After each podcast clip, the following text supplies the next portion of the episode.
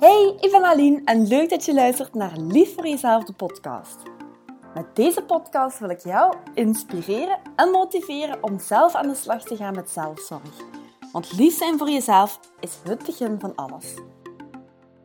Hey, leuk dat je luistert naar de allereerste aflevering van de Lief voor Jezelf, de podcast. Ik vind het super spannend om dit op te nemen, want het is mijn aller, allereerste keer dat ik, dat ik een podcast inspreek. En uh, ik probeer vooral mezelf te zijn en uh, ja, zo duidelijk mogelijk te praten. Um, maar er is al natuurlijk wel een beetje uh, in voorkomen. Dat is geen enkel probleem.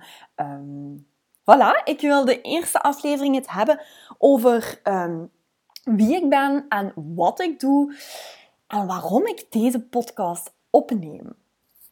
Wel, ik ben Aline, ik ben 27 jaar op het moment dat ik dit opneem. Is het donderdag 11 mei eh, 2023.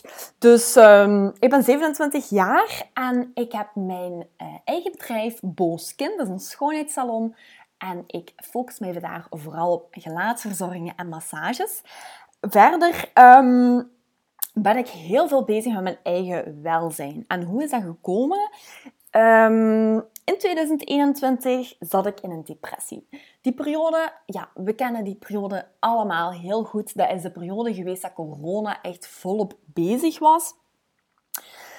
En in die depressie heb ik um, ja, een beetje te laat aan de alarmbel getrokken. Ik zat al zo diep dat ik eigenlijk al niet meer kon functioneren. En tijdens de, de coronaperiode was het al zeer moeilijk om bij een psycholoog terecht te kunnen. Ik ben dus gewoon naar de huisarts gegaan en die heeft voor mij echt op de noodrem gedrukt. Wat heeft de huisarts voor mij gedaan? De huisarts heeft reling ingeschakeld. En moest je het niet kennen, reling is een crisishulpverlening. Dat zijn eigenlijk mensen die tot bij mij thuis zijn gekomen. Ik denk een één of twee keer per week. Dat zijn dus wel psychologen, um, moet ik er wel bij zeggen. En die uh, kwamen eigenlijk met mij babbelen en um, mij eigenlijk terug wel leren functioneren. Uh, echt babbelen over de dingen waar ik mee zat. Uh, in de tussentijd, want ik stond op een wachtlijst natuurlijk, dus om dat te overbruggen, kreeg ik enkele weken begeleiding. Nu, enkele weken, je hoort het al, een wachtlijst van een psycholoog kan soms wel wat langer duren. En ik heb uh, enkele maanden moeten wachten. En dat was echt, als jij je niet lekker voelt, is elke dag al te veel.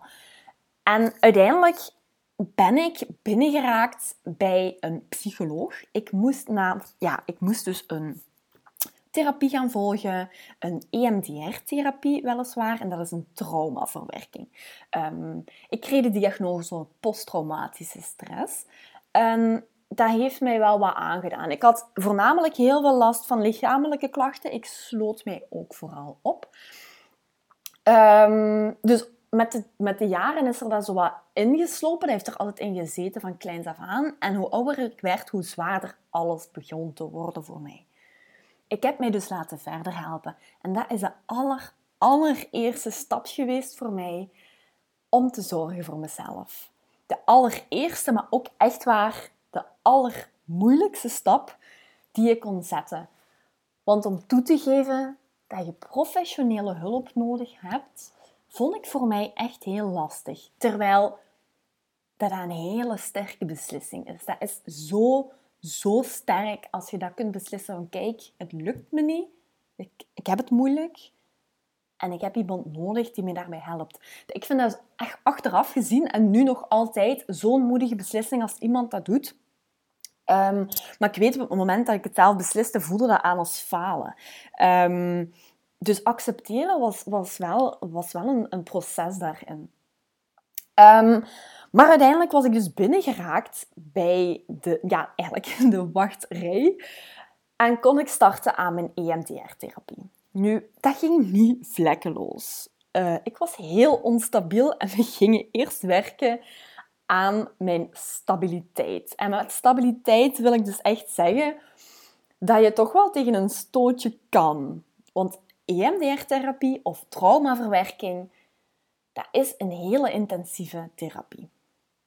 Dus ik moest eerst een beetje meer voor mezelf gaan zorgen. En tijdens die therapie heb ik dat eigenlijk blijven aanhouden. Of ja, moest ik het ook blijven aanhouden.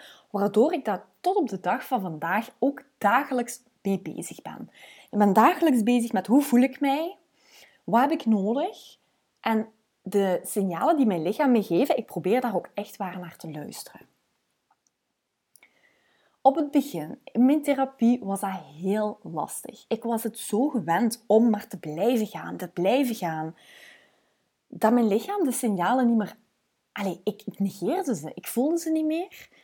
Misschien herken je het wel, dat je blijft werken en blijft gaan in het leven, dat je soms niet merkt dat je lichaam moe is.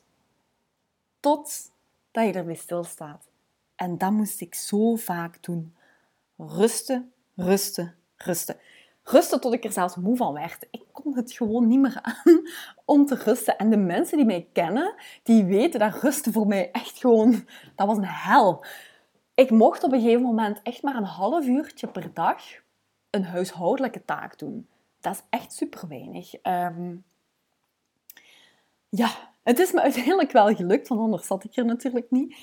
Um, maar ik wil dus maar zeggen, vanaf het moment dat je gaat blijven stilstaan en eventjes uit die redrace gaat stappen, ga je geleidelijk aan ook voelen wat je lichaam nodig, wat je lichaam je vertelt. En bij mij heeft dat wel even geduurd. Ik was precies verdoofd door, door altijd maar te blijven gaan. Dus hoe vaker ik rust nam, hoe moeer ik werd. Ja, dat is eigenlijk heel raar, maar toch ook wel heel logisch. Want als je zo vermoeid bent en eindelijk eens blijft stilstaan, dan denkt je lichaam: oh, ik kan eindelijk eens rusten. En dan voelde ik de klachten. Dan voelde ik: oh, ik heb zo'n hoofdpijn. En oh, mijn spieren zijn zo gespannen. En dan pas kwam er dat uit. Misschien herken je het zelf ook wel als je bijvoorbeeld vakantie hebt en dat je in die vakantieperiode ziek wordt. Dat is zo typisch. Hè? Ik heb dat ook heel vaak gehad, dat je dan ziek wordt wanneer dat je eindelijk eens verlof hebt. En dat is eigenlijk heel logisch, want je lichaam denkt, nu is het het moment om alles eruit te gooien. En dat moeten we proberen te voorkomen. En dat is ook de reden dat ik deze podcast wil opnemen. Ik heb echt geploeterd in mijn therapieperiode. Ik denk dat ik een dik jaar zeker therapie heb gedaan. En ik heb daar zo in geploeterd met mezelf, maar ik heb daardoor zoveel leren, uh, mezelf zo leren kennen, dat ik zoiets heb van, oké, ik ben dagelijks blijven um, bewust zijn van, oké, wat heb ik nodig? Wat voel ik? Hoe voel ik me juist? En dit combineer ik met meditatie en babbelen. Babbelen met mensen die ik vertrouw, mij omringen met mensen die er voor mij zijn en waar ik op kan steunen. Dat zijn echt zo'n belangrijke dingen. En zelfzorg is, is echt een onderdeel van mijn leven en ik wil dat ook echt gaan delen met jou, omdat het zo belangrijk is. Door voor mezelf te zorgen, is mijn zaak zo gegroeid dat eh, heeft echt heel veel deuren voor mij geopend. En dat is juist wat ik voor jou ook wil. Ik wil dat er deuren voor je open gaan. Dat je leert luisteren naar jezelf. Dat je leert aanvoelen van, wat heb ik nu juist nodig? Of die kleine handvaatjes misschien wel inspiratie kan opdoen van, wat werkt voor mij? Ik zou dat echt geweldig vinden. En hiermee wil ik ook de allereerste podcast afsluiten. Um, probeer eens een keer stil te staan en te voelen naar je lichaam.